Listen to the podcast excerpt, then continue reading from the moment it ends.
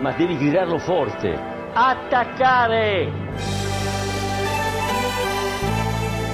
Che va il cross dentro, Quagliarella! Mamma mia! Mamma mia! Dal subito ha tornato al giocatore Pirlo, la conclusione in rete! Andrea Pirlo, un gol pazzesco! Con Karajan, la decide lui, la decide il numero 21 con un diagonale impressionante!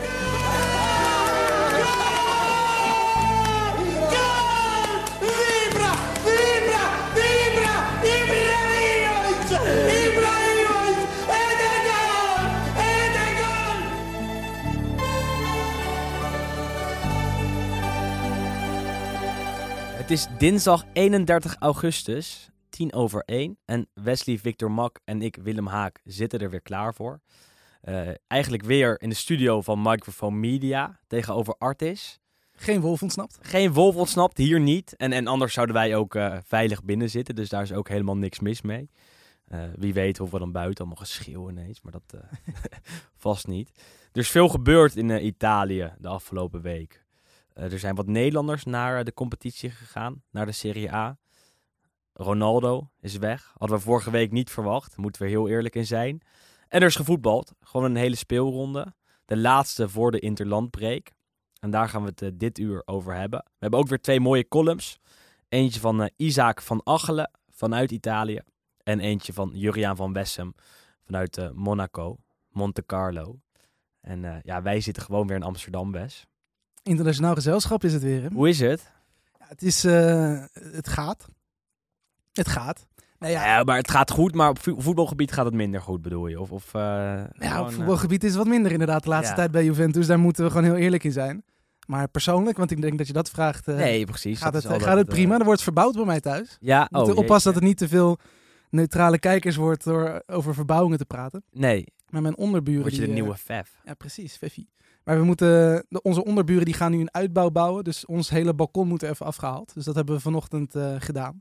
Dus ik zit eh, tijdelijk even zonder balkon. Dus als ik nu de deur open doe en ik stap naar beneden, dan lig ik eh, Moet je niet doen. drie meter Ja, lager bij de buren in de tuin. Heb je die neiging nu door Juventus om dat af en toe wel te doen? Nou, het is pas sinds vanochtend dat, het, eh, dat, dat die open is. Dus misschien als ja. het nu over twee weken nog steeds... eh, maar goed, dan heb ik mijn balkon alweer terug, denk ik. Oké, Dus beter. Geen probleem. beter. Ehm, nou ja, laten we even bij de transfers beginnen, denk ik inderdaad. Eh, en ook bij Juventus. Want het grote nieuws van eh, de afgelopen week was, is dat Cristiano Ronaldo geen speler meer van Juve is. Hij ehm, zat tegen Udinese op de bank, anderhalve week geleden. Tegen Empoli was hij er überhaupt niet meer bij.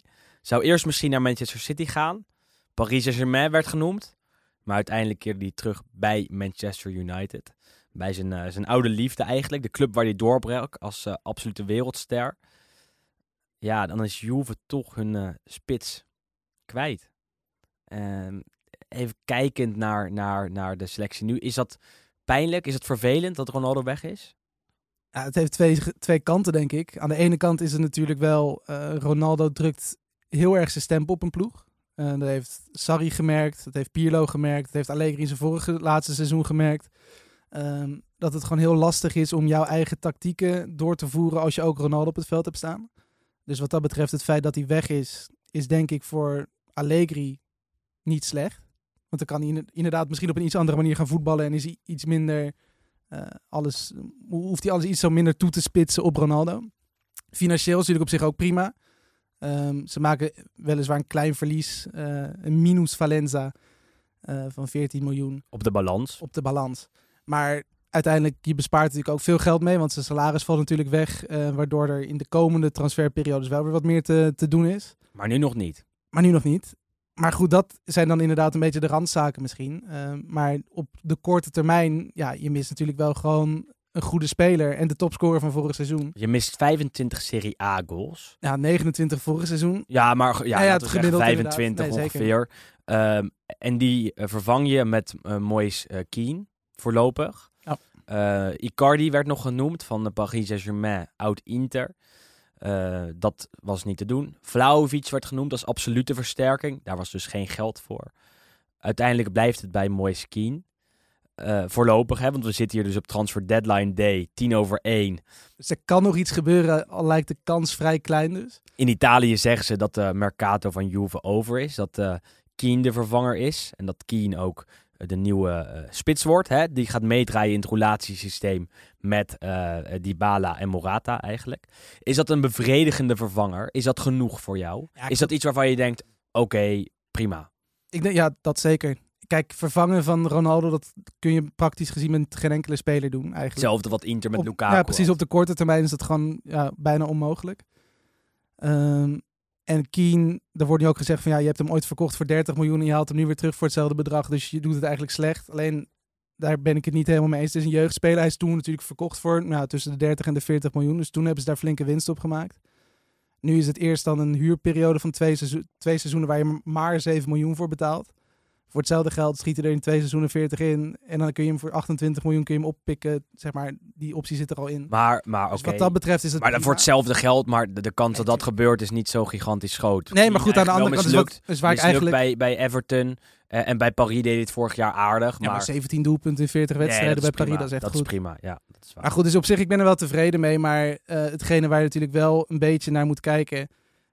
Ja, vorig seizoen, jaar daarvoor, eigenlijk het enige verschil wat Juve had met de andere ploegen, was dat Ronaldo daar af en toe een geniale ingeving had. Dat is de reden waarom Sarri kampioen is geworden.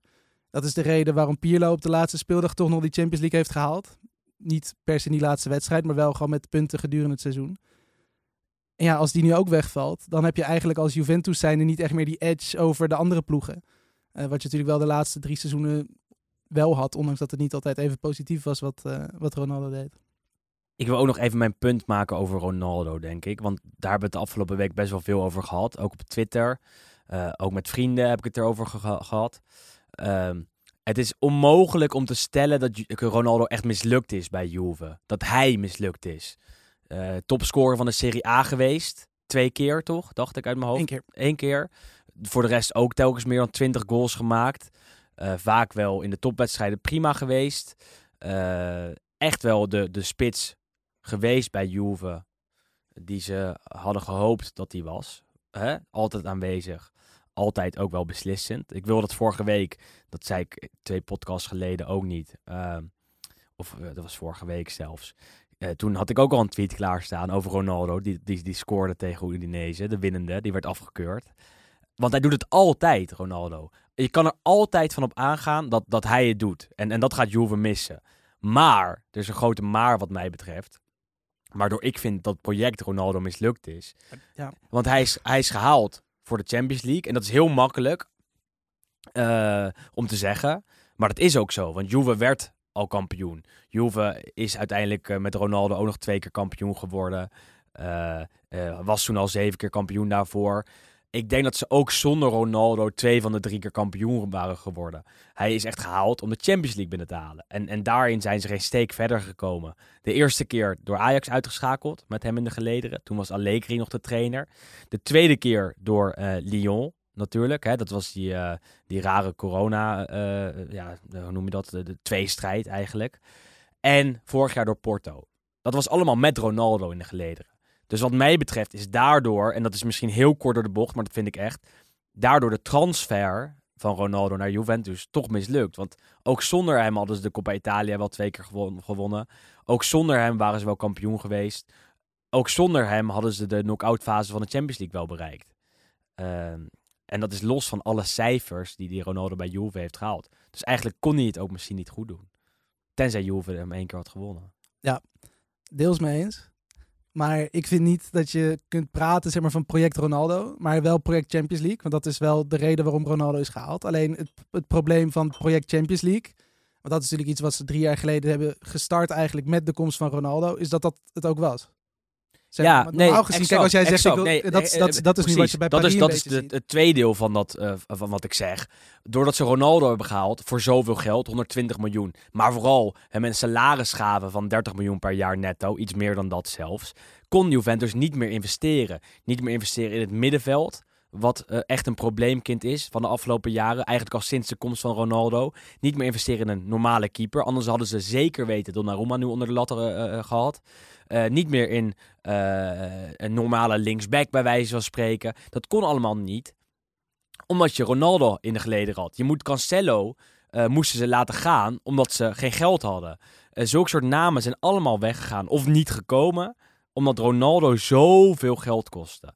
En dus is dat een, een, een tweeslag wat mij betreft. En hij eh, deed het wel goed, maar kon ze niet naar een nive- hoger niveau tillen. En dat kwam Door het feit dat er door geen dat er, ondersteuning was. exact, exact. En dat is dan denk ik ook wel gewoon een van de redenen waarop er ook gewoon wel duidelijk kritiek mag zijn op het technisch beleid van de laatste jaren. Daar dat er gewoon slecht is eh, nagedacht over, ja, allemaal leuk en aardig. Je haalt een van de beste spelers uit de wereldgeschiedenis. Maar ja, als dat het is, dan kom je alsnog geen steek verder. Want dat is wat jij zegt.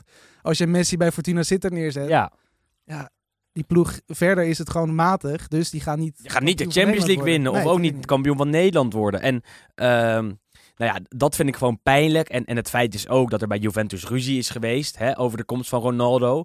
Het schijnt een van de redenen te zijn geweest dat Allegri na zijn eerste periode vertrok. Hè, de resultaten waren toen ook niet goed, maar Allegri zei ja, dit, dit lukt niet zo. Marotta, destijds de grote sportieve man bij Juventus, zei ook, dit, dit gaat niet op deze manier. Ik kan niks meer doen doordat die kostenpost zo hoog is. Toen is Marotta naar Inter gegaan. Marotta heeft een eh, kampioensploeg eh, gemaakt daar. Eh, stel Juve had Marotta nog in de gelederen gehad, had hem nog als grote sportieve man gehad. En die kans was best aanwezig geweest als ze het eh, op een normale manier hadden kunnen oplossen. Eh, dan was Juve zeker verder geweest dan dat ze nu zijn. Het resultaat is dat er enorm veel mensen zijn gesneuveld door de komst van Ronaldo. En dat ze sportief geen steek verder zijn gekomen. Sterker nog, ze zijn sportief achteruit gegaan. Want je bent niet meer de gedoodverfde titelfavoriet. Dat ben je nu op 31 augustus voor het seizoen 2021-2022 ook al niet meer. Eh, en het kan je allemaal niet per se aan Ronaldo hangen. Maar het heeft er wel veel mee te maken. Eh, en, en dat is best wel pijnlijk voor dat project, denk ik. Dus het is niet alleen, wat mij betreft, een project Champions League. Want project Serie A gaat ook niet de goede kant op. Nee, maar goed, wat, wat ik zeg, er zijn gewoon heel veel keuzes gemaakt de laatste drie seizoenen ongeveer. Wat gewoon heel gek is, want op een gegeven moment je haalt Emre Can. Ja, wat doe je het jaar erop? Je verkoopt Emre Can. Wat doe je? Je haalt Cancelo. Je verkoopt Cancelo. Je haalt Demiral. Je verkoopt Demiral. Je hebt Kien. Je verkoopt Kien. Je koopt Kien weer terug. Ja, Bonucci gaat weg. Ah, die haal je ook weer terug. Het resultaat is nu dat je sportieve keuzes worden gemaakt op een financieel aspect. Dat zie je ook nu met de middenvelder die ze najagen. Oké, Locatelli is al gekomen, weliswaar met een rare constructie omdat er geen geld voor was. Maar je ziet ook wie de tweede mi- middenvelder moet worden. En, en dat zijn namen eh, zoals, eh, nou ja, het meest concreet is Pjanic geweest. En Pjanic was twee jaar geleden, toen hij vertrok bij Juve, in die schimmige financial fair play deal met Arthur, eh, ook al over zijn top. toen werd hij nog wel op 70 miljoen euro gewaardeerd. Wat toen ook al bizar was en waar we geloof ik toen ook al over hebben gepraat. Ehm, eh, maar, maar dat Pjanic nu wordt gelinkt aan Juve en, en het zal er waarschijnlijk niet meer van komen. Eh, dat vind ik best wel, best wel vreemd, eerlijk gezegd. Hetzelfde geldt voor Witzel, wat, wat een goede middenvelder is en die Juve ook wel kan beter maken. Ehm, maar Ja, ik Eh. vind daar nog wel een klein verschilletje er tussen. zit een verschil tussen. Witzel is niet over de, over de top, niet zo erg over de top. Ehm, En die speelt ook gewoon de laatste jaren gewoon constant op een hoog niveau. En dat Ja. is bij Pjanic natuurlijk ook zeker afgelopen ja, eh, jaar. Maar ook dat komt er trouwens niet van. En wat, dus nee, ja, wat we zeggen, het is klaar wat als het goed is nu Ja. bij, qua inkomende transfers. Dan gaat misschien nog wat uit. Als jij een cijfer moet geven aan de periode plus transfer van Cristiano Ronaldo naar Juve, bij Juve. Hè, het, het, het, het geheel, zeg maar. Ik denk toch wel een 7. Ja. Niet te enthousiast in de zin van, goed, je, je schiet er uiteindelijk niks mee op. Maar ik denk zeker wel dat het ook heeft gezorgd voor wat extra aandacht en, en, en ja, volgers in de zin van niet alleen op, op social media, maar in algemene zin voor de club. Het label mislukt mag ik er niet van jou opplakken eigenlijk. Nee, maar sowieso persoonlijk heeft hij het gewoon fantastisch gedaan. Want als je ziet hoeveel records hij heeft gebroken, hoeveel doelpunten en assists hij heeft gegeven in, Nee, in wedstrijden. Kijk, dat is gewoon nog steeds fenomenaal. En Maar dat moet je daar toch in meenemen. ik vind dat wel, want ja, wat, wat, wat, wat jij inderdaad ook zegt, kijk, jij hebt het over een project Ronaldo. Ik vind het een project Champions League. Want Ronaldo, je kunt niet ja, hem daar neerzetten en zeggen van nou, nu gaan we alles winnen wat er te winnen valt. Dat is gewoon Maar dan is het een slecht project. Ja, nee, maar je- dat- je- absoluut, Als je, als je het project Champions League of, project Ronaldo dan een cijfer moet geven, ja, dan geef je het een 4. Ja, zeker. Maar de tijd van Ronaldo bij Juve, ja, dat kan je niet anders dan, dan een 7,5 geven. Hij heeft ook wel echt 7. hele mooie dingen laten zien natuurlijk. We hebben wel de, de laatste seizoenen een paar Absoluut. geweldige doelpunten, een paar... Ja, Dus, dus vandaag zag ik ook langskomen dat het mooiste van de tijd van Ronaldo zijn eh, aankomst was. Nou ja, daartussen heeft hij echt wel een paar mooie dingen laten zien. Eh, niet zijn vrije trappen, daar heeft hij er maar even van gemaakt tegen Torino. Ja, maar het is ook wel opvallend om te zien hoe eh, relaxed eigenlijk ook de, zeg maar een beetje de fanbase van Juventus hierop reageert. Want iedereen zegt ook van ja, prima. Nou ja, toen hij kwam, was er nog een discussie wie de beste was. Messi of Ronaldo. Inmiddels zijn we drie jaar verder. Er is echt geen sprake meer van die discussie. En, en daar kan je nog het beste aan ophangen, denk ik. Eh, Messi is de, de beste van zijn generatie. Eh, en Ronaldo komt op plek 2. Terwijl hij wel fantastisch heeft gedaan hoor, bij Juve. Eh, gaan we naar de column van Juriaan van Wessem. Het is namelijk niet de eerste keer geweest dat een superster vertrekt uit eh, Italië. En Jur die kan daar meer over vertellen.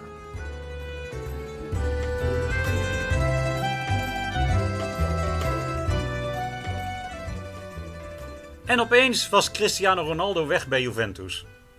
Hij kwam zijn spulletjes ophalen en zei tegen trainer Allegri dat hij het voor gezien hield.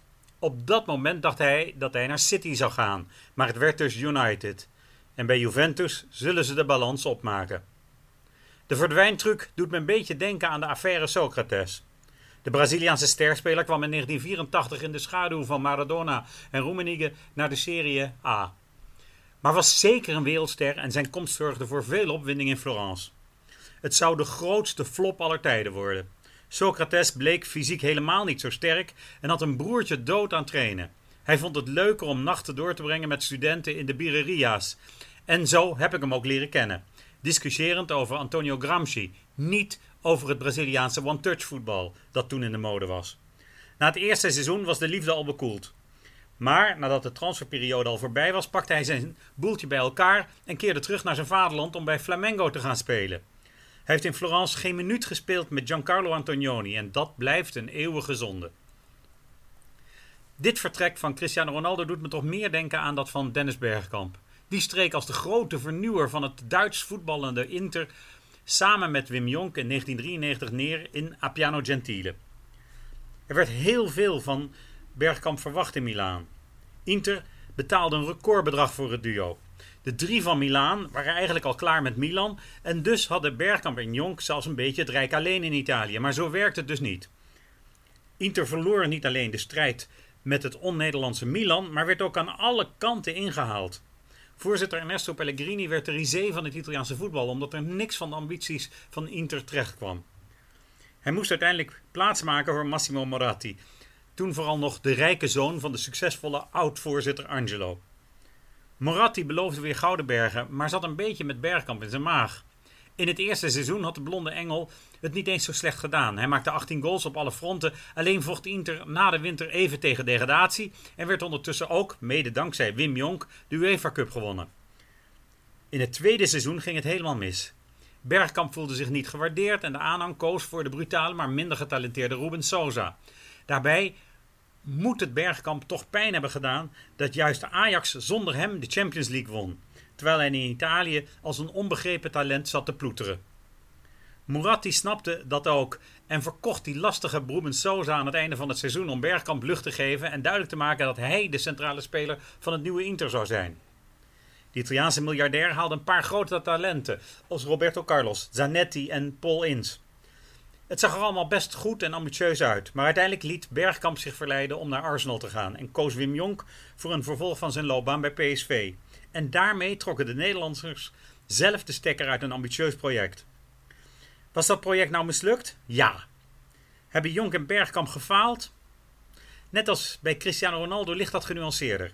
Er werd gewoon meer van hen verwacht. Maar Bergkamp won met Inter meer internationale prijzen dan in 11 jaar bij Arsenal. En cijfers liegen niet.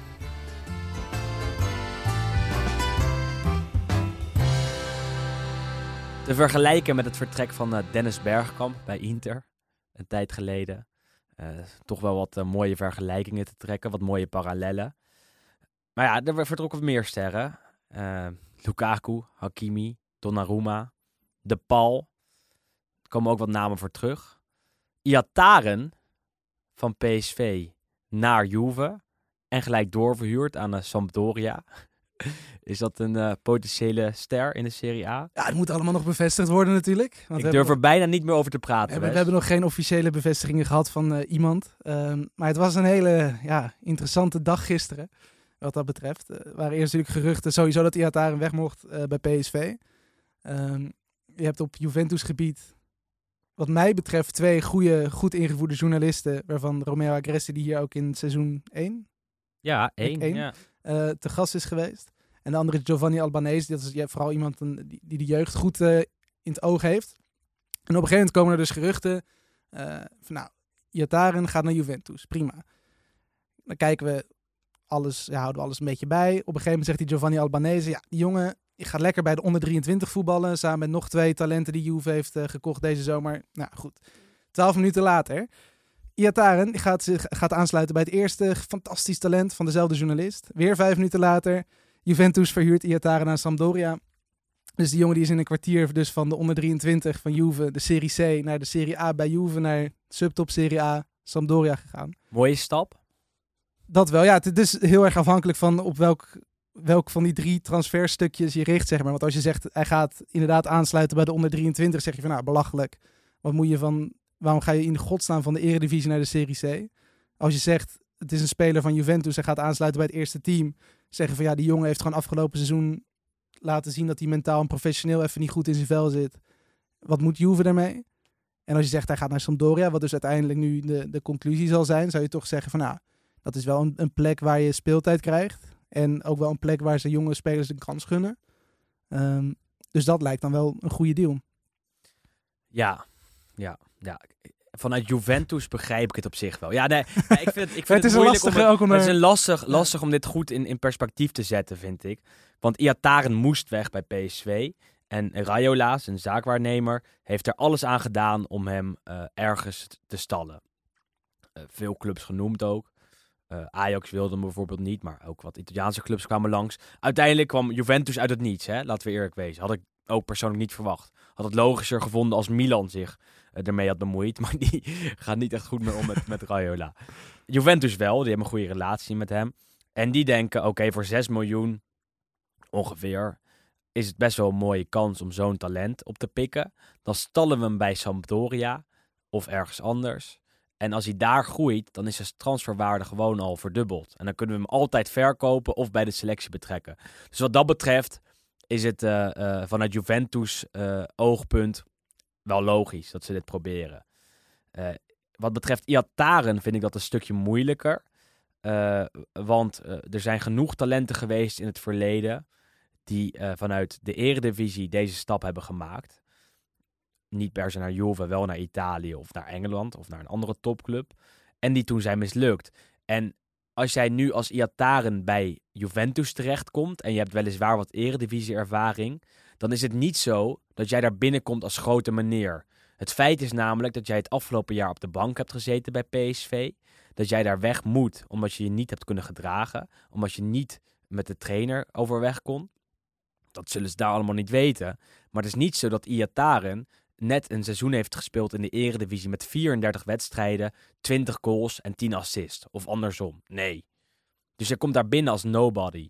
Wat dat betreft vind ik dat de vergelijking met Ouassim Boui goed te maken is. Die ging destijds van Ajax A1 naar Juventus en die wilde daar ook zijn geluk beproeven. Hij mislukte, want hij werd altijd maar uitgeleend. Altijd maar bij teams zoals eh, Brescia en Palermo eh, eh, gestald. Voor Iataren voorzie ik een beetje hetzelfde. Want je gaat nu naar Juve. Je wordt direct doorverhuurd. Waarschijnlijk aan Sampdoria. Lukt het jou aankomend seizoen niet om meer dan 20 wedstrijden bij Sampdoria te spelen? Dan moet je maar kijken wat er volgend jaar gebeurt. Want dan ben je eh, weer een uitleenbeurt verder. En dan is het niet meer bij een Sampdoria waar je terechtkomt. Maar bij een, eh, eh, nou noem eens wat, bij een eh, Salernitana of iets dergelijks. Dat wil hij waarschijnlijk niet. Daar zal hij zal hij zich wel door die eredivisie-ervaring eh, vast eh, te goed voor voelen. En dat snap ik ook wel, want hij is qua talent hè, toch al een stukje verder. Maar het is niet zo dat het in de piekorde bij... eh piekorde? Pikorde. Ja, vorig jaar ook al die fout gehad. Pikorde bij Juventus uitmaakt hoe, hoe, hoe je daar binnenkomt uit de Eredivisie. Ja, het is heel grappig ook gewoon. Wij kennen natuurlijk, ja, natuurlijk wij volgen de Eredivisie ook. We, we zijn Nederlanders, we kennen natuurlijk wat, hier een beetje rondloopt. Ehm, maar gisteren ook op Juventus Twitter, zeg maar.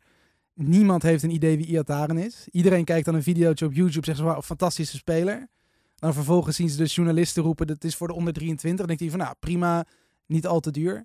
Eh, dan vervolgens wordt er gezegd van, hij gaat naar het eerste elftal in plaats van onder andere Kulusevski en McKennie. En dan zegt iedereen daar van, wie, maar wie is die Iataren dat hij dan die twee anderen eruit, eruit wipt. Dan vervolgens van, nou, hij gaat dus naar Sampdoria. En dan schreef van, nou, goede deal. Maar wie was het ook alweer? Dus niemand heeft een idee wie die jongen is. Niemand weet wat hij afgelopen seizoen heeft gedaan. Het enige wat ze dus zien, van, nou, hij heeft volgens mij een van de jongste doelpuntenmakers ooit voor PSV. Hij heeft op zijn 17 heeft hij praktisch een heel seizoen in de basis gestaan. En, En- dat is en- hetgene wat ze zien. Dat is, dat is fantastisch. Hè? Maar Hij dat is heeft- top, heeft, maar hij heeft één seizoen fantastisch gepresteerd. Hij staat natuurlijk nog steeds bekend als een toptalent. Hij kan in potentie bij Juventus slagen. Hij kan in potentie een hele goede speler voor de Serie A zijn. Maar dat heeft hij nu nog niet op zijn lijst staan. Dat is nu nog niet zo dat hij dat, hij dat op dit moment kan gaan doen. En, en dat maakt dat voor hem lastig is, om, omdat hij zich daar echt eh, nog meer dan bij PSV binnen moet gaan knokken. En zich moet gaan bewijzen. Niet alleen bij Juve, maar ook bij Samp. Want bij Samp kijken ze ook en zeggen ze: groot talent, heel interessant, maar laat het maar zien op het spel, eh, op het veld. Laat het maar zien in, in Marassi. Ehm Maar ik vind het wel leuk. Ik bedoel, Sampdoria. 100 ik procent. denk dat het wel echt een leuke, je krijgt daar de een goed kans. team is. Ja. Je krijgt daar de kans. Eh, Sampdoria staat er onbekend. En, en de trainer Daversa op zich ook wel. Dat ze jonge talenten een kans geven. En eh, dat zal met Iataren niet eh, per se anders zijn.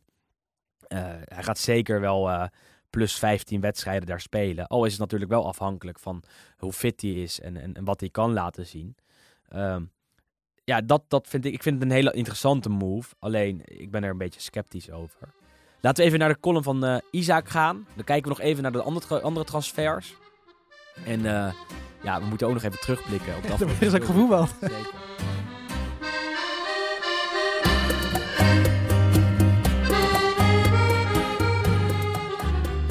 Buongiorno amici sportivi. Eén ding is zeker. Lukaku, CR7, Donnarumma, Hakimi en De Paul zijn weg en dat is een gemis voor de Serie A. Fabio Capello zei het gisteren nog maar een keer. Maar de eerste wedstrijden van het seizoen zijn genieten. Er zijn nog genoeg prachtige spelers over om van te genieten en ook de trainers zijn om van te smullen. Vandaag is het l'ultimo giorno di mercato, dus wie weet wat er nog voor verrassingen in zitten. Het is eigenlijk ook een dag te vroeg om de krantjes erbij te pakken. We hebben gisteren kunnen zien dat de media het vaak niet bij het rechte eind heeft wat betreft transfers. Binnen een half uur werd er verschillend bericht over Mo Iataren. Hij vertrok in eerste instantie naar Juventus, toen zou hij bij Juventus onder 23 aansluiten, maar vervolgens tekende hij bij de oude dame en werd hij meteen doorverhuurd aan Sampdoria. En we hebben er nog een Nederlander bij in de Serie A. Want ook Teun Koopmeiners heeft getekend bij Atalanta. De Gazzetta dello Sport zette afgelopen week wederom een foto van zijn broertje in de krant, maar ze zullen Teun in Italië snel leren kennen. Zijn tranen op de Nederlandse televisie deden mij terugdenken aan 15 jaar geleden, toen ik zelf direct na mijn studie naar Italië vertrok. Mijn toekomst was echter wat ongewisser. Hij gaat lekker Champions League voetballen. Het is hem gegund. Cianco ritorno. De Belg Dennis Praat gaat ook weer aan de slag in Italië. Na jaren bij het meisje van Juriaan van Wessem gespeeld te hebben en in Engeland gaat hij nu tekenen bij Torino. En zo kopt Tuttosport ook. Il Toro batte due colpi, ma perde Belotti. Presi Praat e Zima. Accordo vicino con Mustafi. Ook Mustafi lijkt dichtbij voor Toro. Pressing su Amrabat staat er ook. En perde Belotti omdat Il Gallo een operatie riskeert met een stop van meer dan een maand. In de Gazzetta dello Sport wordt er geschreven over een eventuele terugkeer van Miralem Pjanic bij Juventus. La Juve chiama Pjanic e per gennaio idea Icardi. Het nieuws over Pjanic werd gisteravond echter alweer ontkracht, dus wie weet wat de waarheid is. Junior Messias naar Milan lijkt echter wel in kannen en kruiken. En ik vind het mooi dat deze speler behouden blijft voor de Serie A. Deze mogelijke transfer wordt benoemd in alle kranten deze ochtend. In de Corriere dello Sport een grote kop. Lazio e Zaccagni. Dopo il no all'offerta per Kostic il club sceglie il talento del Verona. Waarschijnlijk een colpo interessante, anche per il fantacalcio. Want naar aanleiding van mijn column vorige week lijkt het er dan toch echt van te komen. Willem Haak heeft alles op alles gezet om dit prachtige spel dit seizoen van de grond te krijgen, met nog wat andere amici sportivi. Senza soldi, ma per l'onore. Na de interlandperiode gaan we een avondje zitten voor de Asta. En ik ga lekker opbieden als hij Interisti wil vastleggen, zodat hij ook wat Milanisti, Romanisti, Napoletani, Laziali en Juventini in zijn selectie zal moeten pakken. En dan gaan we zien of zijn Fantacalcio eergevoel groter is dan zijn liefde voor Inter. Want het allermooiste van Fantacalcio is dat je alle wedstrijden in de Serie A met een andere bril gaat bekijken. En je wordt tifoso van je eigen spelers. Soms sneuvelt er een uh, afstandsbediening, maar ik kijk er enorm naar uit om een hele lepe 1-0 overwinning op Signor Gancho. Magari con un gol di Junior Messias del Milan. Alla prossima.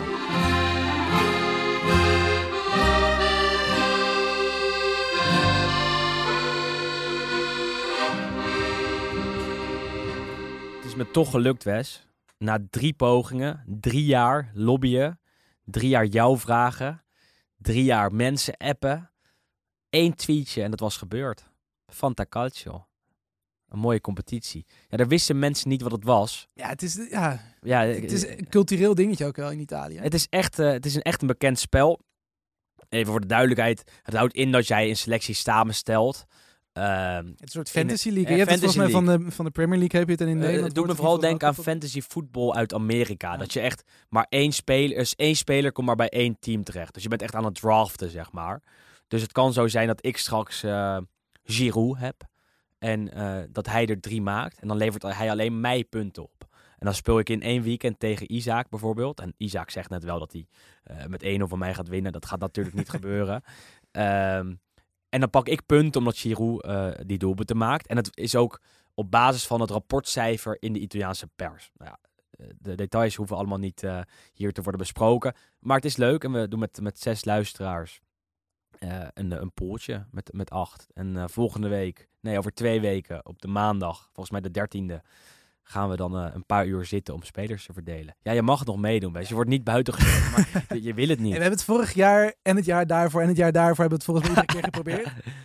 Ik weet ook nog dat wij toen met, volgens mij was het ook met, eh, eh, wat was het met jou en met Vincent en ik denk dat Isa er ook bij zat toen. Toen hebben we het volgens mij met z'n vieren geprobeerd. Hebben we ook volgens mij een hele avond van 7 uur tot 12 uur s'nachts hebben we spelers zitten verdelen. Ehm, maar uiteindelijk, ja, ik ben sowieso waar. heel vergeetachtig. Toen hebben we het ook al gedaan. Dus het gebeurt heel vaak dat dan inderdaad, dan moet je het, op, weet ik veel, op een vrijdag of donderdag moet je het dan inleveren. En dan vergeet je het en dan krijg je de opstelling van vorige week. En dan zitten er acht spelers in die geblesseerd zijn. En dan krijg je nul punten. Ja, Dus ja, weet je, dit, maar het is vooral, want dat is natuurlijk ook wat Isaac zegt. In Italië is dit echt een ding. Ik bedoel, als jij, als jij Maar dus kan het voor bent- ons ook een ding zijn. Omdat we natuurlijk elke week kijken en, je gaat toch anders naar zulke dat is zeker waar. kijken. Maar als je in Italië dus niet aan Fanta Calcio doet, dan ben je eigenlijk gewoon geen Ben je een loser. voetbalfan. Ben je Maar ja, loser. eh, voordat andere mensen zich wel buitengesloten voelen. We hadden snel acht man en, en toen dachten we, ja, laten we het maar even sluiten. Want anders gaat het echt een eh, paar uur duren om spelers te verdelen. Eh, en het is echt tijd om het eerst een keer uit te proberen. Want stel het is niks en stel het lukt niet, ja, dan kan je het maar beter even met z'n achter doen dan met, met meer. Dus wie weet volgend jaar. Intussen komt nu net van eh, Romeo Agresti binnen dat eh Ihataren inderdaad een speler van Juventus Ja, is. nou ja, dat is, eh, dat is helemaal verhuurd. rond. Aan Sampdoria, of is dat, dat is nog niet helemaal Dat is nog niet bekend. Nog even langs de andere clubs, want ook daar gebeurden wat dingetjes afgelopen week. Niet, we gaan niet de hele transferperiode uitlichten, want dat hebben we al afgelopen weken gedaan. Nog wel iets moois, denk ik, gebeurde bij Milan. Milan dat echt eh, de hele transferperiode al op zoek was naar een aanvallende middenvelder slash eh, rechtsbuiten. En ook eh, heel veel mensen heeft benaderd. Er zijn heel veel mensen bij hen genoemd ook. Uiteindelijk kwamen ze uit bij een oude bekende, waar we het vorig jaar vaak over hebben gehad. Junior Messias. Rechtsbuiten van eh Crotone. Liet vorig jaar mooie dingen zien. Veel mooie dribbles, goede cijfers. Werd bij ons genoemd als een speler die vast en zeker dit jaar nog in de Serie A zou gaan spelen. Hadden een aanval daar met Simi, inmiddels van Salernitana. Unas, inmiddels terug bij Napoli. Was gehuurd namelijk. En Messias was toch over? Stel je voor. Ja, wel terecht toch? Ik bedoel dat die hebben we inderdaad vorig seizoen hebben we hem regelmatig. Want ook gewoon als echt wel een fijne speler. Ehm, en een van de weinigen inderdaad in dat team van Crotone waarvan je echt dacht van nou hier zit nog wel potentie in. En die kan nog wel een stapje hoger op. Hij is 30. Dat vind ik echt verbazend. Ja, dat wel. hè. Ja.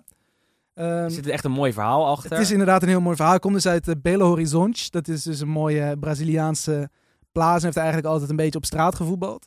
En niet echt bij een club. Hij heeft volgens mij twee of drie jaar een keer ergens eh, toevallig in de jeugd van Cruzeiro gelopen. Maar dat was het dan ook wel. Ehm, toen op een gegeven moment was hij een jaar of twintig eh, oud. Is hij met zijn vrouw en met zijn kind is hij naar Italië vertrokken. Een beetje op zoek ja, naar een, eh, een beter leven, zeg maar. Toen heeft hij daar jarenlang gewerkt als ja, pakketjesbezorger. En bezorger vooral van koelkasten en witgoed, wasmachines, dat soort dingen. Ehm, en in de weekend speelde hij bij de Turijnse club Sport Warik. Had ik nog nooit van gehoord, maar dat is dus een soort amateurploegje. Waar alleen maar Peruvianen Ja, spelen. Ook zo. bijzonder. En hij als Braziliaan er dan wel tussen. Ehm, en ze speelden dan natuurlijk, weet je, net zoals hier. Je hebt af en toe van die bedrijfstoernooitjes. Dat je met, met, met je, je collega's ga je dan voetballen op een toernooitje. Ehm, en hij deed dat dus ook met dat, eh, met dat ploegje. En daar werkte toevallig eh, Ezio Rossi. Dat was een ex-voetballer. En die trainde daar op datzelfde toernooi een, een team met, met vluchtelingen. Ehm, en hij, ja, Messias, die viel op bij die Ezio Rossi. Dus die hebben toen een beetje contact gehouden. En het seizoen daarna kreeg toen die Ezio Rossi opeens de kans om als trainer te werken bij Casale. Dat is op het vijfde niveau van Italië. En die dacht toen van, hé, hey, ik heb toen vorig jaar op dat toernooitje heb ik eh, Junior Messias gezien. Die ga ik, die ga ik meenemen. Eh, dus toen werd hij eh, Messias speler van Casale in de Eccellenza, dus het vijfde niveau. Maakte hij gelijk 20 doelpunten, promoveerde naar de Serie D. En uiteindelijk heeft hij zo via nog twee, drie andere clubjes eh, eigenlijk pas in 2019 zijn Serie B debuut gemaakt. Ehm, ook dat seizoen gepromoveerd, afgelopen seizoen zijn Serie A debuut. En hij had aangegeven ook toen al in interviews van, nou, ik speel nu met Crotone in de Serie B, nu in de Serie A. Ik had nooit gedacht dat ik zo ver zou komen. En hij gaat nu voor eh, een miljoen of negen naar eh, AC Milan. Hij wordt eerst gehuurd. Hij wordt eerst eh, een jaartje gehuurd en daarna kunnen ze hem overnemen. Ehm, en het is echt een, een soort ehm, extra speler. Snap je ook wat ik het bedoel? voelt een beetje als een bonus. Het is een bonus. Het is een bonusspeler. Niemand had meer verwacht dat er iets zou komen bij Milan. Want ze werden wel genoemd en gelinkt aan wat Franse spelers. Wat echte talenten. Dat kwam niet van de grond. Toen zagen we gisteravond opeens dat ze aan het onderhandelen waren voor Junior Messias. En dat is echt een speler die wat nieuws kan brengen daar, denk ik. Als je ziet dat Salemakers daar in de basis start, dan kan Messias dat ook. Eh, iets meer een dribbelaar. Kan eh, een, een shockwissel zijn, zeg maar. Kan voor, voor shock-effect zorgen tijdens de wedstrijd. eh, door met zijn snelheid en met zijn techniek echt wat nieuws te brengen. En zulke soort spelers heeft Milan weinig. Iemand die misschien op een of andere manier in de buurt zou kunnen komen, is Leao. Eh, maar dat vind ik persoonlijk helemaal niks. Die is super wisselvallig. Eh, dat zag je ook afgelopen weekend weer. Eh, Milan speelde, ja, we kunnen gelijk even door naar... ja, laten we ook gewoon even die voetbalwedstrijden er nog bij ja, pakken. nee, ja, het is ook belangrijk. Maar we gaan, gaan dan even eerst door met Milan. Want Milan speelde thuis tegen Cagliari. En dat was heel makkelijk. Cagliari verdedigde heel slecht. Milan kwam er makkelijk overheen. En ik wil nog even eerst mijn punt maken over Leao. Eh, dat hij er een aantal keer doorheen kwam en dan een goede actie in huis heeft. Maar die eindpaas en dat overzicht, dat, dat, dat, ontbreekt dan toch enorm. Want anders was het wel 5-6-1 geworden. Er werd er uiteindelijk 4-1 voor Milan. Ehm, de beste indruk maakte Giroud, wat mij betreft. De nieuwe spits, die eh, de vloek van eh, nummer 9 toch wel een beetje doorbrak. Twee keer scoorde. Eén mooie, ja, hoe zeg je dat, mooie spitsengoal met links. En één penalty. Is hij de nieuwe echte nummer 9 van Milan? Ja, ik denk sowieso dat het mooi is dat er een, een 9 is die gewoon met zelfvertrouwen daar voetbalt. Want je had toch een beetje het gevoel dat de laatste, hoeveel waren het er? Een stuk of tien, denk ik. Ja. Ehm, sinds Pipo Inzaghi, dat die allemaal ook een beetje met, ja, eh, zo, niks. Luis Adriano, Fernando Torres, Mattia Destro. Ja, om er een paar te noemen. Ja, exact. Ik had het volgens mij uitgerekend begin van dit jaar een keer. eh, dat Pipo had volgens mij met nummer 9 meer dan 70 doelpunten gemaakt. En dus die 10 opvolgers allemaal bij elkaar nog geen 29, dacht ik. En dus dat is gemiddeld eh, nou, drie per, eh, per speler. En Giroud staat nu dus na, wat is het, anderhalve wedstrijd op twee. Maar ik denk inderdaad gewoon, het is vooral fijn dat er ehm, ook op de momenten dat Slatan er niet is. Dat je ook wel iemand hebt staan met enig, eh, ja, hoe, hoe, hoe zullen we het noemen? Bravoer. Een beetje persoonlijkheid daarvoor in. Uitstraling, Uitstraling. charisma. Ja. Moet niet van die stomme TikTok-filmpjes opnemen. maar zijn interview na afloop was in het Italiaans al. Best wel knap. Zit was twee maanden in Italië ongeveer. Eh, misschien zelfs iets minder lang. Nou ja, dan is het al hartstikke knap dat je een heel interview met Dazon in het Italiaans kan doen. Ja, het werd zoals gezegd 4-1. Andere doelpunten van, eh, nou, Leao en van Tonali. Die eh, wederom goed was en een vrije trap scoorde. Dit, dit was echt een heel hoog Pierlo gehaald, hè? Kijk, ik maakte een grapje op Nee, Twitter. tuurlijk, nee, maar- Ja, het, het, het was echt een hoog Pierlo Nee, maar gehalte. weet je waarom ook? Want het is een exacte kopie Ja. van het eerste doelpunt ooit voor, van Andrea Pirlo in Milan shirt. Dat was precies dezelfde plek.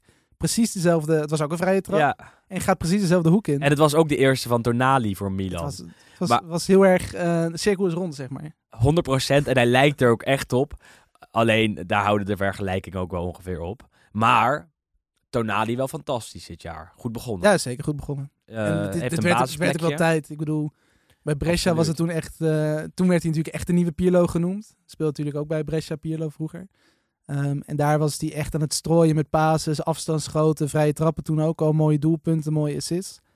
Ehm, en eigenlijk zijn eerste seizoen bij Milan is toch een beetje mislukt eigenlijk. Absoluut. Eh, En daar zijn mensen dan ook weer eh, snel over te spreken, zeg maar. Want eh, Tonali was vorig jaar ook echt slecht. Hij heeft echt heel weinig goede wedstrijden gespeeld.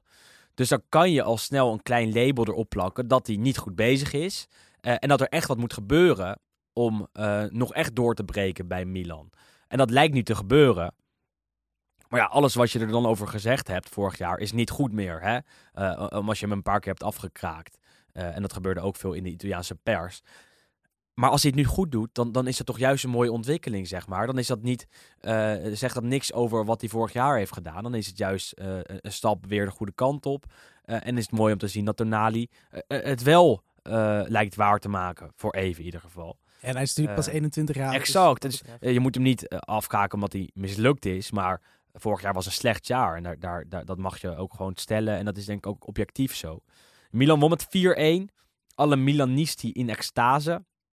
Ook omdat San Siro weer voor het eerst in eh, ongeveer anderhalf jaar gevuld was met eh, rood-zwarte supporters. Was een mooie sfeer ook. Dat zag je echt op televisie ook eh, ontzettend goed. Het borrelt wel een beetje hè, bij Milan. Vind je niet? In welke zin? Nou, de- in, in goede zin. Er, er, er, er, er Scudetto, gebeurt daar echt Scudetto wel. geborrel. Een, een klein beetje eh, Scudetto-geborrel. Klein beetje Scudetto-koorts. Maar klein beetje. Ik zeg niet dat het al kan. En eh, het is ook heel erg vroeg na twee speelrondes. Maar eh, het sentiment is er van alle Italiaanse clubs, hè, van alle Serie A-teams, misschien wel het beste. Samen met Roma, want die speelden tegelijkertijd. Die, eh, ja, we beginnen op de zondagavond met de laatste twee wedstrijden. Daarna prima, kijken we nog even naar de andere. Want Roma ging op bezoek bij eh, Salernitana, de promovendus, waarvan eh, wij helemaal niks verwachten. De eerste helft was prima op zich van Salernitana kant. Ze verdedigden heel erg, stonden met tien man achter de bal. Alleen spits Bonazzoli mocht af en toe wat afjagen. De tweede helft was het wat minder van eh Salernitana kant. Want Roma walste er overheen, kwam er wel doorheen en scoorde vier keer. Weer met jouw eh, man. Ja, Demi. Ja, hij was man. goed Oh, hoor. het was echt weer fantastisch. Ja, Ja, gewoon de hele wedstrijd was, eh, ja, wat je zegt, mo- sowieso een mooi stadion, hè, trouwens. Eh, fantastisch stadion. Echt een heerlijk stadion. Maar wel lelijk. Ja, het is lelijk, maar mooi. Ja, ik zou, een soort Bentegodi wat mij Ja, nee, want ex-Italië-correspondent Mustafa Margadi is er toen twee jaar geleden denk ik ook geweest. Moet je ook even op YouTube, serie Moes. Hij is toen ook in eh, Salerno geweest. Ehm, mooi uitzicht ook. Mooi, mooi. Gewoon mooi. Echt een mooie bak. Een betonbak is het. En dat zie je eraan af. En dat zag je ook tijdens eh, de warming-up. Want Roma is heel goed op de socials. Eh, deelde eigenlijk alles. Deelde allemaal filmpjes. En dan zie je ook zo'n mooie grote bak met een uitvakje achter, achter het doel. Hè? En natuurlijk ook gaten tussen die tribunes. Want het zijn gewoon de los, tribunes, losstaande En tribunes. Zo'n typisch Italiaans rotstadionnetje. Of stadion, want het is echt een gigantische bak. Ehm nee, het was leuk. Maar Roma goed, ja, kwam goed voor de dag. ja, in de tweede Ehm, helft zeker. hebben het eh, goed voor elkaar. Middenveld staat. Pellegrini lijkt herboren onder Mourinho. Veretout staat al op drie doelpunten. Eh, twee tegen Fiorentina, eentje afgelopen weekend. Had er nog eentje kunnen maken. Is echt in bloedvorm. Eh, ja, wie moet missen? Uh, Mkhitaryan wilde ik nog erbij Ja. bij betrekken. Want die Ehm, eh, die, ehm, eh, kwa- die, die, die is ook gewoon goed bezig. Ja, wat, wat moet je daar nog meer over? Ja, en ik denk dat Abraham, Veretout, Pellegrini, Mkhitaryan, die vier, dat is wel echt heel goed. het is echt goed, hè? Ook echt gewoon best wel opvallend. En dat is natuurlijk wat we vorige week, dat ons ook al een beetje opviel, dat eh, het leuk voetbal is onder Mourinho. Nou, die tweede goal van Roma, Fenomenaal. echt een fenomenale goal. Abraham wordt ingespeeld, legt terug, Mkhitaryan steekt en hij wordt afgemaakt. Ja. Ja, het is echt een topgoal. Echt Ja. een topgoal. Dus eh, Roma won met 0-4. En dat Salernitana, we kregen ook al een paar vragen op hoeveel punten gaan die eindigen. Nou goed, ik denk als ze spelen zoals ze nu de laatste Ah, twee wedstrijden speelden, is het echt ploeg, gewoon nul. Want er zit helemaal niks in. Echt niks. Eh, ze doen maar wat. Ja, maar goed, het idee is volgens mij gewoon als we eh negen, ja, 90 minuten lang verdedigen, zijn er echt wel ploegen die er niet doorheen komen. Dus dat is zeg maar hun tactiek voor, voor je gevoel. Maar er zit echt niks qua... Weet je aan wie ze me doen denken? Aan Engeland op het EK. Nou, die de hadden de finale. finale, dus Nee, dat wat dat is zo. Maar Engeland op het EK eh, scoorde tegen Italië in de finale. En vervolgens deden ze helemaal niks meer. Ze, gingen, ze counterden niet eens meer. Hè? Eh, behalve toen het 1-1 werd, toen moesten ze weer een beetje. Maar na die 1-0 van Shaw in de finale, heeft Engeland alleen maar verdedigd. Hadden ze niet eens de intentie om er meer een beetje uit te komen. En dat is niet hoe het werkt. Want je moet wel de bal een beetje vast kunnen houden. eh, en, en proberen iets eh, uit te delen, een klein steekje. Eh, en Salernitana doet dat nog minder. Die staan gewoon met z'n tien achter de bal. Die rossen hem weg. Eh, ook al staat het 0-0. Ook al staat het 0-1 voor Roma. Ook al staat het 0-2. Ze hebben gewoon niks gedaan. En dan denk ik, ja, wat is dit voor ploeg, joh? Er- hier zit geen plan achter. Geen kwaliteit. Er loopt niemand rond die wat kan. Zo'n Simi eh, is van Crotone gekomen voor een Die aantal kwam ook miljoen. pas laatste Die kwartier kwam er pas geloof ik. laatste kwartier in. Eh, maar die is, die is hopeloos daar. Die gaat nooit 10, 20 doelpunten maken. Want ze willen niks. Ze- Nee, ik ben, ja, ja. Het is heel interessant inderdaad hoe het gaat. Dus, ik zag nu vanochtend ook weer dat ze oud-Telstar-speler Gerson Fernandes, dat wordt de eerste Luxemburger ooit in de Serie A, als het goed is, eh, gaan halen. Maar goed, dat is ook een aanvaller. Maar ik denk ook van ja, ik denk nou niet dat je als aanvaller bij Salernitana heel veel te doen krijgt. Ehm, Nee, dit is ook zo'n eh, zo'n zo'n soort speler die, die ze daar al veel hebben lopen. Zij, zij zijn een soort Torino wat dat betreft. Scouten eh, op dezelfde manier. En nou ja, het resultaat is dat ze nu dan hebben verloren van Bologna. En dit weekend met 0-4 van Roma. Op hoeveel punten eindigen zij na eh, 38 duels, wat jou betreft? Ja, goed, ik zou eigenlijk zeggen nul. Maar goed, dat is, je, je- ze pakken sowieso wel een keer een puntje. Maar ik denk dat het echt een wonder is als die boven de 20 punten uit gaan komen. Ik wilde net zeggen, ik denk 18 of zo. En dat is denk ik echt wel heel erg ambitieus. ja, het is gewoon verschrikkelijk. En Maar ze moeten ook tegen Venetia. ja, nee, goed. Maar Maar- wil je, daar, wil je daar niet naartoe? Ik ga nu, want nu gaan we even de andere potjes even snel langs. Ehm, want de Venetia ging Die op begonnen vrijdag. Die begonnen vrijdag om half zeven. Prima tijd. Ja, prima tijd. Zelfs voor op de vrijdag. Ja. eh, kan je dan een beetje toewerken naar de kraker van de avond. Dat was later Verona-Inter. Komen we zo over te spreken. Maar Venezia ging op bezoek bij Udinese. Udinese, geen fantastische ploeg. Heeft eh, de, de Paul en de Musso kwijtgeraakt. En nog wel heel stug. Net als afgelopen seizoen ook En eigenlijk. er lopen wel spelers rond met wat kwaliteit. En dat zag je ook tegen Venetia, want het werd 3-0. Pussetto, Deulofeu en Molina. Misschien wel de drie beste spelers van Udinese. Ja. Waren alle drie trefzeker. Eh Venetia heeft mooie tenues. Maar daar houdt het misschien wel een beetje bij op, of niet? Nou, ik, moet, ik vond het wel vrij geflatteerd uiteindelijk 3-0. Ehm, op een gegeven moment in de eerste helft krijgen ze een paar echt grote kansen op de, op de 1-1. En zelfs nog op het, eh, op het openingsdoelpunt met Johnson. Dus dat had wel anders kunnen lopen. Maar goed, hetgene wat je wel heel duidelijk ziet, is eh, ze hebben heel veel nieuwe spelers. Eh, dat zie je natuurlijk regelmatig met gepromoveerde ploegen, maar het is nu wel heel veel. Ehm, plus wat we eigenlijk ook al twee weken zeggen, is dat er ook gewoon heel erg weinig ervaring in zit. En vooral weinig Serie A-ervaring. Ehm, dus dat, ja, het lijkt vooral alsof ze nog heel erg op elkaar ingespeeld moeten raken en elkaars naam ongeveer moeten leren. Ehm, en ze spelen natuurlijk ook nu al twee wedstrijden op rij uit. Volgende week weer, omdat het stadion nog niet, eh, nog niet af is. Dus wat dat betreft zijn wel heel veel ingrediënten waar, of tenminste redenen waarom je zou kunnen zeggen, het is op zich logisch dat ze zo beginnen. Maar goed, er moet inderdaad wel iets, eh, duidelijk iets bij komen. Ehm, in de, en niet Maar is dat- specifiek, dat- nee, niet specifiek ja. op transfergebied, maar vooral gewoon qua eh, een beetje het zelfvertrouwen en de, de gewenning aan elkaar. En ik denk dat er dan echt wel wat mogelijk is. Maar eh, op dit moment, er is weinig om heel erg enthousiast over te zijn. Wel een paar spelers die wel op zijn gevallen nu afgelopen weekend. Dus op vrijdag maakte Gianluca Busio Eh, zijn debuut op 6. Het is een Amerikaanse jongen, Italiaanse roots. Ik verslik me. ja, ga verder.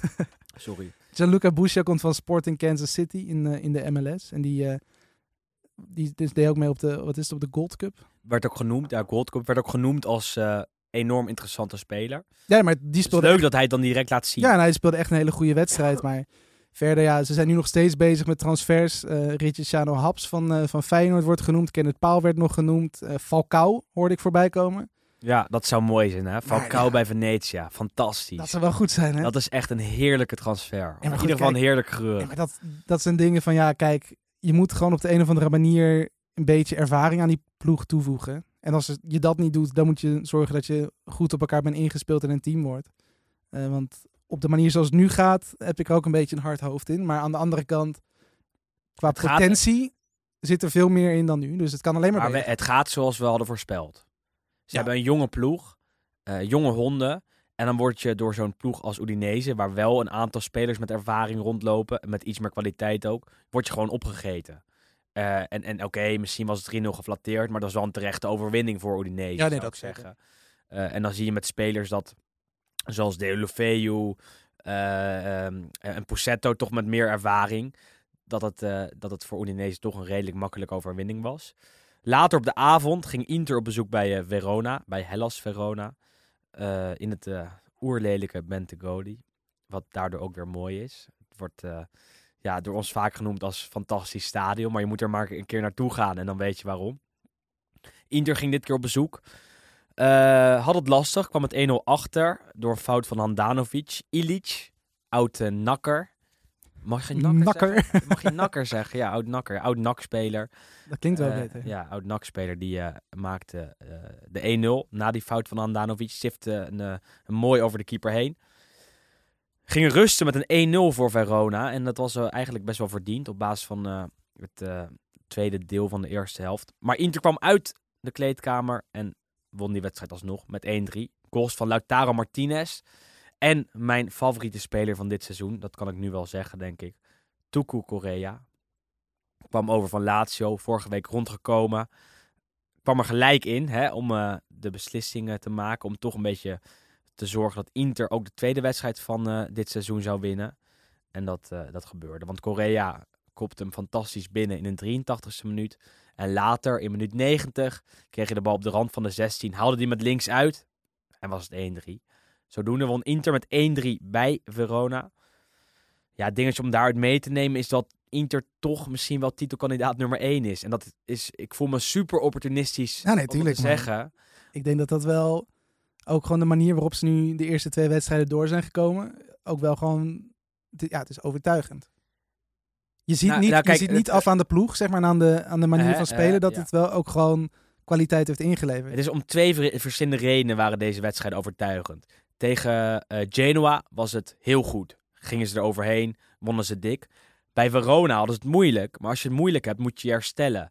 En eh, een kampioensploeg, ik zeg niet dat ze het worden, maar het zou kunnen. eh, herken je aan moeilijke wedstrijden die ze toch over de streep kunnen trekken. En dat was dit soort, dit duel was dat voor Inter eigenlijk. Want Lautaro speelde niet fantastisch, scoorde toch. Correa kan er vanaf de bank inkomen, maakt de winnende en maakt ook nog de 1-3. Eh, en dat zijn dingen die je, die je moet zien om er geloof in te krijgen dat je nog steeds goed bent en dat je nog steeds om de titel mee gaat doen. En Inter heeft dat nu in- die twee wedstrijden laten zien. Eh, waardoor ik zou zeggen dat ze eh, toch een klein streepje voor hebben op de rest. en op- Korea, ja, fantastisch. Ja, Het gebeurt niet vaak dat ik sta te juichen voor Inter, maar ik kon me toch niet even een, een kreetje, kon ik niet inhouden.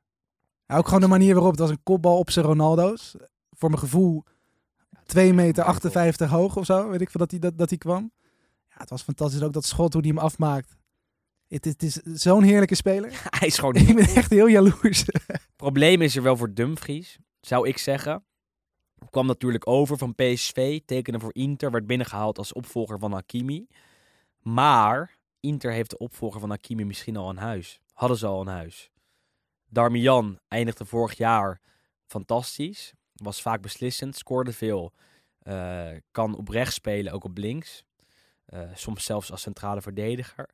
Wordt dit seizoen door Inzaghi ingezet als rechtshalf. Toch zijn beste plek. Eh, waarmee hij ook destijds de transfer naar Manchester United verdiende. Nou, via omwegen bij Inter terechtgekomen. En hij is echt goed aan het seizoen begonnen. Weet wat Inzaghi van hem vraagt. Kent de Serie A. Kan de taal. Ehm, en dat kan voor Dumfries wel een vervelende concurrent zijn, zou ik zeggen. In, eh, in ieder geval in de eerste seizoenshelft. Ja, dat is ja, goed. Maar kijk, het voordeel is natuurlijk wel bij Inter. Je speelt heel veel wedstrijden. Ja. Je krijgt in ieder geval de Champions League erbij. In een pool die op zich te doen zou dat moeten zijn. Ook nog natuurlijk, ja. Ehm, dus wat dat betreft, je, ja, je speelt eigenlijk... Vol met Shakhtar, Real en eh Sheriff. Oh ja, al die, oh ja, die pools hebben we ook nog niet behandeld. natuurlijk. Dat was ook ja, vorige week ook allemaal. langs, Ja. Ehm, maar goed, dus normaal gesproken speelt Inter in een seizoen zo'n ja, wedstrijdje of 50. Ja.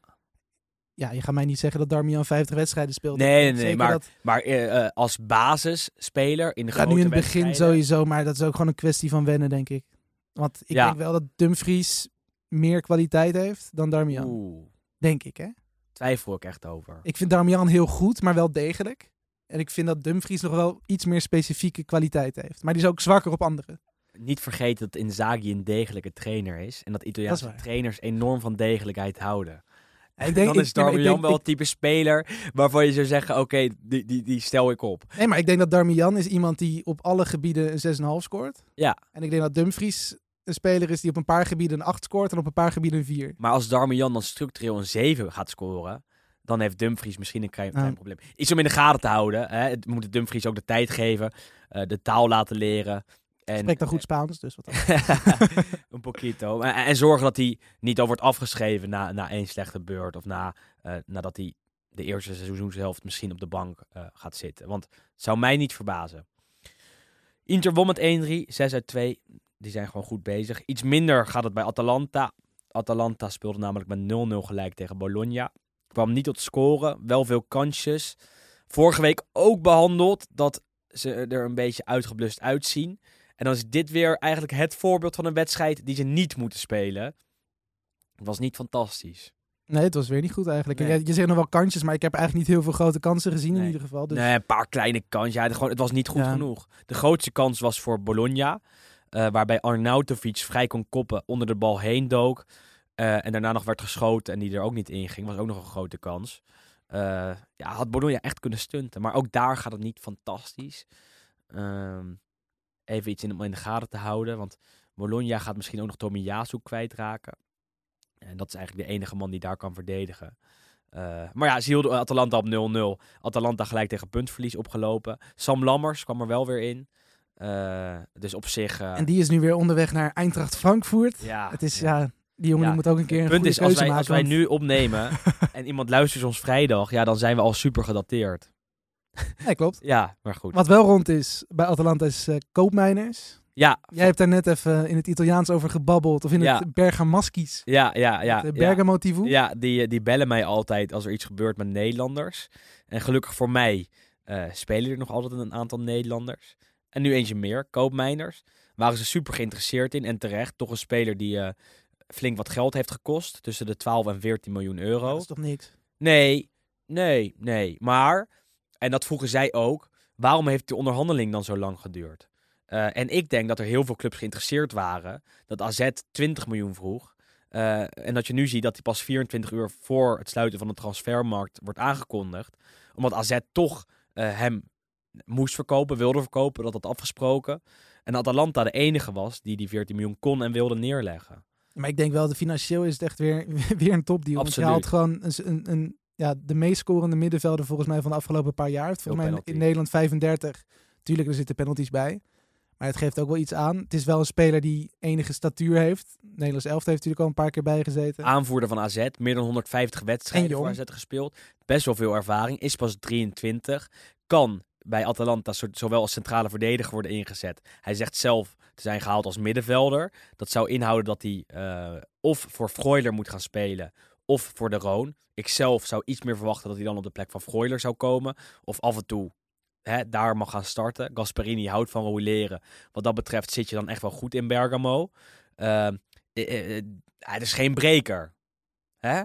Of vind Nee, je wel een Het is geen de Roon. Het is, het is een voetballer. Ja. Iemand met een paas. En, Echt wel super Maar interessant. ik denk ook zeker dat Atalanta dat wel zo'n type kan gebruiken. hebben vaak gezegd dat hij ideaal is voor de Serie A. Eh, Roma had hem vorig jaar goed kunnen gebruiken toen ze nog met drie eh, man achterin speelde. Drie centraal. Lazio had hem fantastisch goed kunnen gebruiken. Hadden geen geld. Eh, Atalanta als enige echt, echt goed doorgezet. En ik denk dat Koopmeiners voor deze competitie echt, echt hartstikke goed is. En genoeg minuten gaat maken. En binnen een jaar of twee absoluut wel een van de betere Nederlanders daar kan zijn. En absoluut misschien wel een, een basisspeler is. Waardoor hij ook weer kan doorgroeien. En niet vergeten dat Atalanta echt een plek is waar je echt eh, eh, groeit. Eh, waar de trainers echt met je bezig zijn. En waar je echt de kans wordt gegund om beter te worden. En dat wil de koopmijners denk ik ook. Die bekend staat als een leergierige speler. harde werker. en dan denk ik dat hij ideaal is voor Bergamo. Waar ze ook houden van spelers die hard werken. Dat is de reden dat de Roon zo gigantisch populair daar is. Omdat hij nederig is, altijd het publiek be- bedankt. En, Sempre la maglia sudata. Ja, Dat is exact, belangrijk. ja, Altijd eh, een volledig bezweet eh, shirtje, dan doe je het goed. Het soort, eh, soort Feyenoord wat dat betreft. Eh Lazio Spezia 6-1. Ja, Spektakel, Wes. dat was weer tof. Het was eigenlijk exacte kopie, heb ik ook eh aantekeningetje van gemaakt als de eerste helft van vorige week. Toen begonnen ze natuurlijk ook tegen, of nou niet tegen een andere promovendus, maar toen echt tegen een promovendus. Tegen Empoli. Toen tegen Empoli stonden binnen twee minuten met 1-0 achter, stonden binnen vijf minuten weer met 1-1 gelijk. En het was nu eigenlijk tegen Spezia was het precies hetzelfde. 1-0 door Verde, die altijd graag scoort in, eh, in Rome. Ehm, en eigenlijk binnen volgens mij één minuut later Lazio 1-1. Weer een paar minuten later 2-1 voor Lazio. Ehm, en ja, het was, het was echt weer feest daar. En eh ja, Hattrick Immobile, die gaat gewoon weer rustig op voor zijn twaalf- twaalfde topscorerstitel. Sorry, Bol. Saribal. Wel, ja, eh, het is, het is echt heel leuk om naar te kijken ook vooral. Komen ze niet tekort in de breedte? Nog steeds?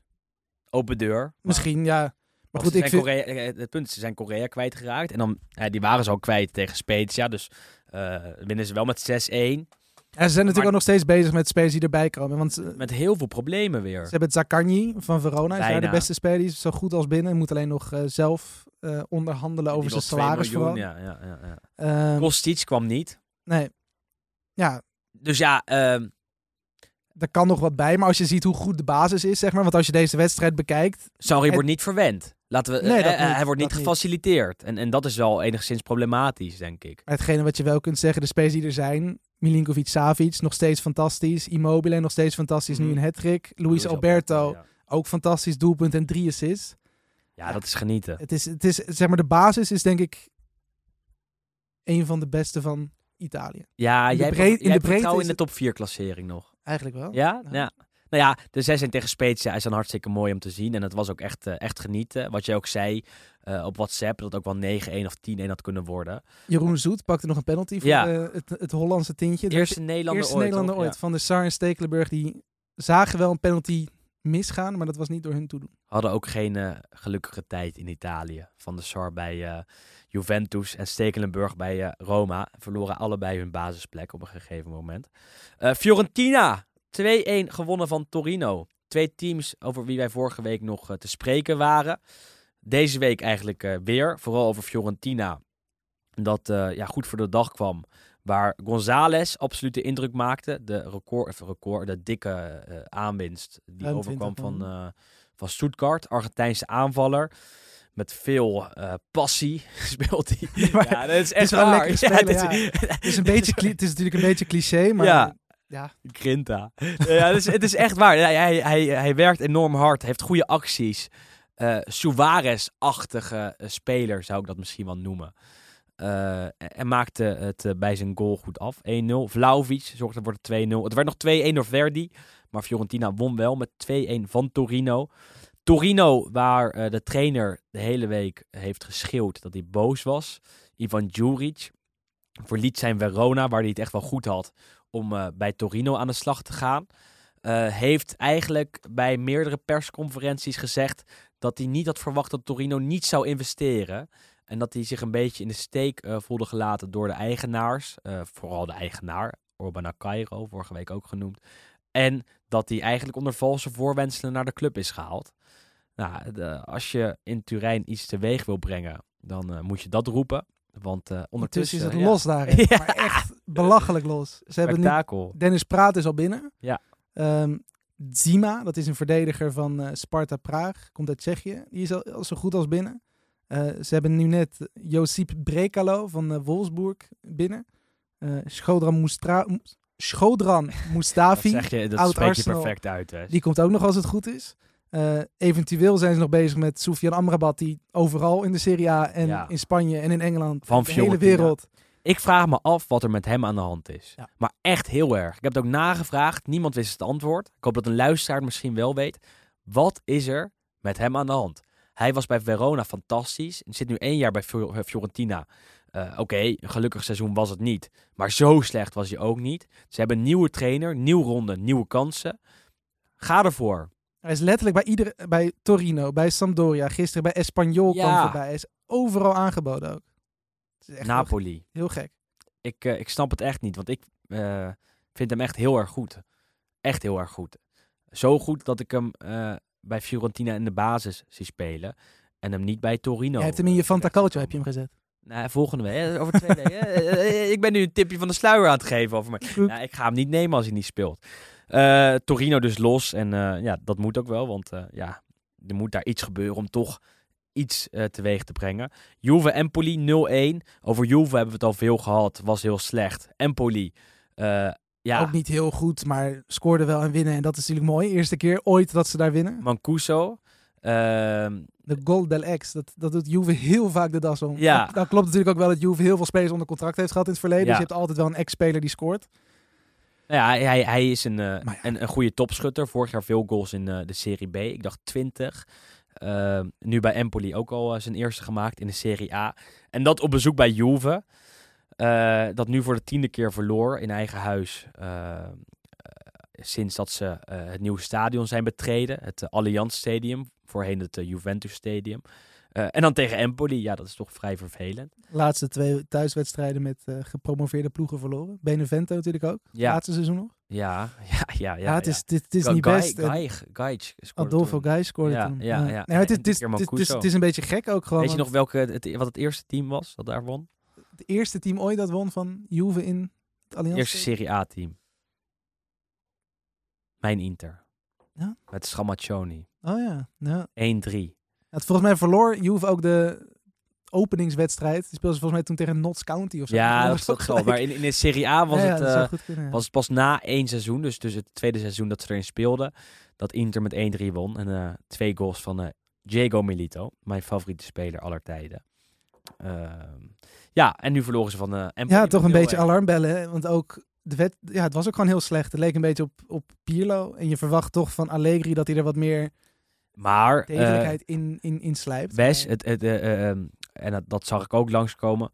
Was het niet wat naïef van ons om te denken dat eh, het met Allegri allemaal in één klap beter zou Nee, maar in één klap sowieso niet. Nee, want wat ik wat, wat, wat nu net natuurlijk in het begin hebben gezegd, het hele project Champions League moet nu even in de koelkast.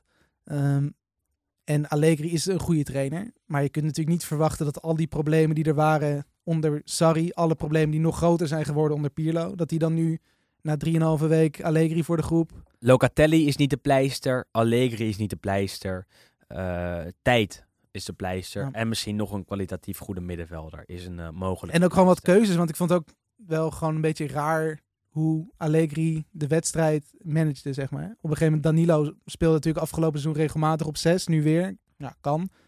Maar dat maakte, de, maakte dan dat Bentancur een beetje een soort lopende speler was. McKennie stond op links buiten. Ook allemaal een beetje gekke dingen. Dan krijg je wissels op een gegeven moment. Dan kom- komt de Chilio er nog in. Dan denk ik van ja, Ja, kom op. man. dit is toch wel een beetje een zwaktebod. Ja, dat was het ook, want ze verloren met 0-1. Chiellini in de afloop met Allegri, of in de laatste minuut. Mooi filmpje Het is dat. geen team. Mooi filmpje. Eh, zondag, Genoa 1-2 Napoli. Half zeven werd hier gespeeld. Bij eh, Genoa was men boos dat er een doelpunt werd afgekeurd. Eh, dat was namelijk de 1-1 geweest. Eh Pandev maakte die af. Die scoort altijd tegen Napoli. Ja, dit keer niet, want er werd afgekeurd door de VAR. Eh, of na de raadpleging van de VAR. Uiteindelijk werd het wel 1-1. Cambiasso, uit de eigen jeugd van Genoa. Geboren in Genua. En werd helemaal gek na de gelijkmaker die die scoorde tegen Napoli. Was echt mooi om te zien. 21-jarige eh, verdediger is dat. Helaas voor hem bleef het niet bij 1-1. Want eh Petagna kwam erin. De bulldozer. Kreeg een vrije trap op zijn hoofd en kopte hem in de korte hoek binnen. 1-2 voor Napoli. Eh Petagna zou naar Sampdoria gaan. Dat is nog, eh, nogal geblokkeerd. Maar dat was een mooie binnenkomer geweest. Want dan scoor je net de winnende tegen Genoa. Mag je daar blijven en eh, teken je bij Sampdoria. Of in ieder geval voor een bepaalde tijd op huurbasis. Ja, Genoa verloor weer. Staat met nul punten uit de twee duels. eh, gewoon weer rustig in het rechte rijtje. En daar waren ze echt woedend hè, op de scheidsrechter. Het was, ook, het, er was ook niks aan de hand. Het was gewoon 1-1. Ja, Want het is eh, hoge bal. Ehm Boeksa, het is de nieuwe exotische, of nou ja, de Balkanverrassing, zeg maar. De Ja. jaarlijkse Balkanverrassing van Genoa. Stand er in de spits. Die, mooi die, dat, springt omhoog. Eh, Alex Meret, de doelman van Napoli, komt met zijn knie naar voren invliegen. Ja, gaat richting de bal, maar laat hem vallen eigenlijk. Bal komt voor de voeten van Pandev en die schiet hem ja, heel simpel binnen. Eh, maar uiteindelijk wordt hij dus afgekeurd voor het aanvallen van de keeper, terwijl die Boeksa die springt omhoog. Het En is Meret- niet in de vijf meter. en Meret springt op Boeksa. Eh, dus ja, ik vind het echt belachelijk dat hij werd afgekeurd. Ja, en uiteindelijk won Napoli daar dus, dus wel. Hè? Hè? Maar ja, dat was eh, prima. Gelukkig is Napoli, dan zijn er geen complottheorieën. Nee, nee, dat is waar. Ja. Sassuolo Sampdoria 0-0. Caputo had bij Sassuolo het vizier niet op scherp staan. Kreeg wat kansjes, miste die. Sampdoria kwam redelijk voor de dag. Is ook redelijk in paniek, want die eh, trekken ook speler naar speler aan. Hebben nu Iataren binnen, werden in verband gebracht met Casiego. Eh, nog wat andere namen die daarover kwamen om het seizoen ja, toch een kleine boost te gaan geven. Want ook daar zijn ze niet goed aan het seizoen begonnen uiteindelijk. Ehm, ja, en Sassuolo eh, speelt gelijk. Ja, dat, dat, dat was prima. Ja, Eén ding wat mij heel erg is opgevallen is het polootje van de nieuwe trainer. Dionisi. Nee, van, eh, van Sampdoria D'Aversa. Ja, die, had, ja. een- die had een soort wit crème-achtig, ja, een soort polo-shirt aan. Maar met ook van die soort mooi, een beetje dat relief erop. Een mooi motiefje. Het zag er echt heel erg Italiaans stijlvol Maar uit. Hij is geen charmante man. Nee, hij ziet er verder, zeg maar, als je zijn gezicht Dikzak ziet is een- het. Zo'n beetje zo papperig. Ja, zo'n papperige dikzak. Ja. Dus eh, Ziet er ook uit alsof hij zo heel erg, heel erg zweet. zie ik het liever bij Pioli Ja. van Milan of zo. Maar het polootje was goed. Nou, Dus die, twee, eh, die twee wedstrijden hebben we al gehad. Milan Cagliari en eh Salernitana Roma. Na de interlandbreek hebben we echt wel een eh, hele interessante speelronde.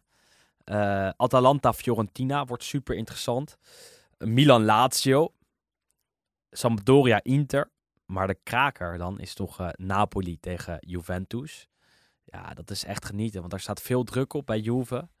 Eh, Napoli ruikt bloed Ja, zijn in vorm al onder Spalletti. Hebben allebei de wedstrijden al gewonnen dus dit seizoen. Eh, en dat zie je, hè, want Lazio op 6, Inter op 6, Roma op 6, Milan op 6, Napoli op 6, Juve.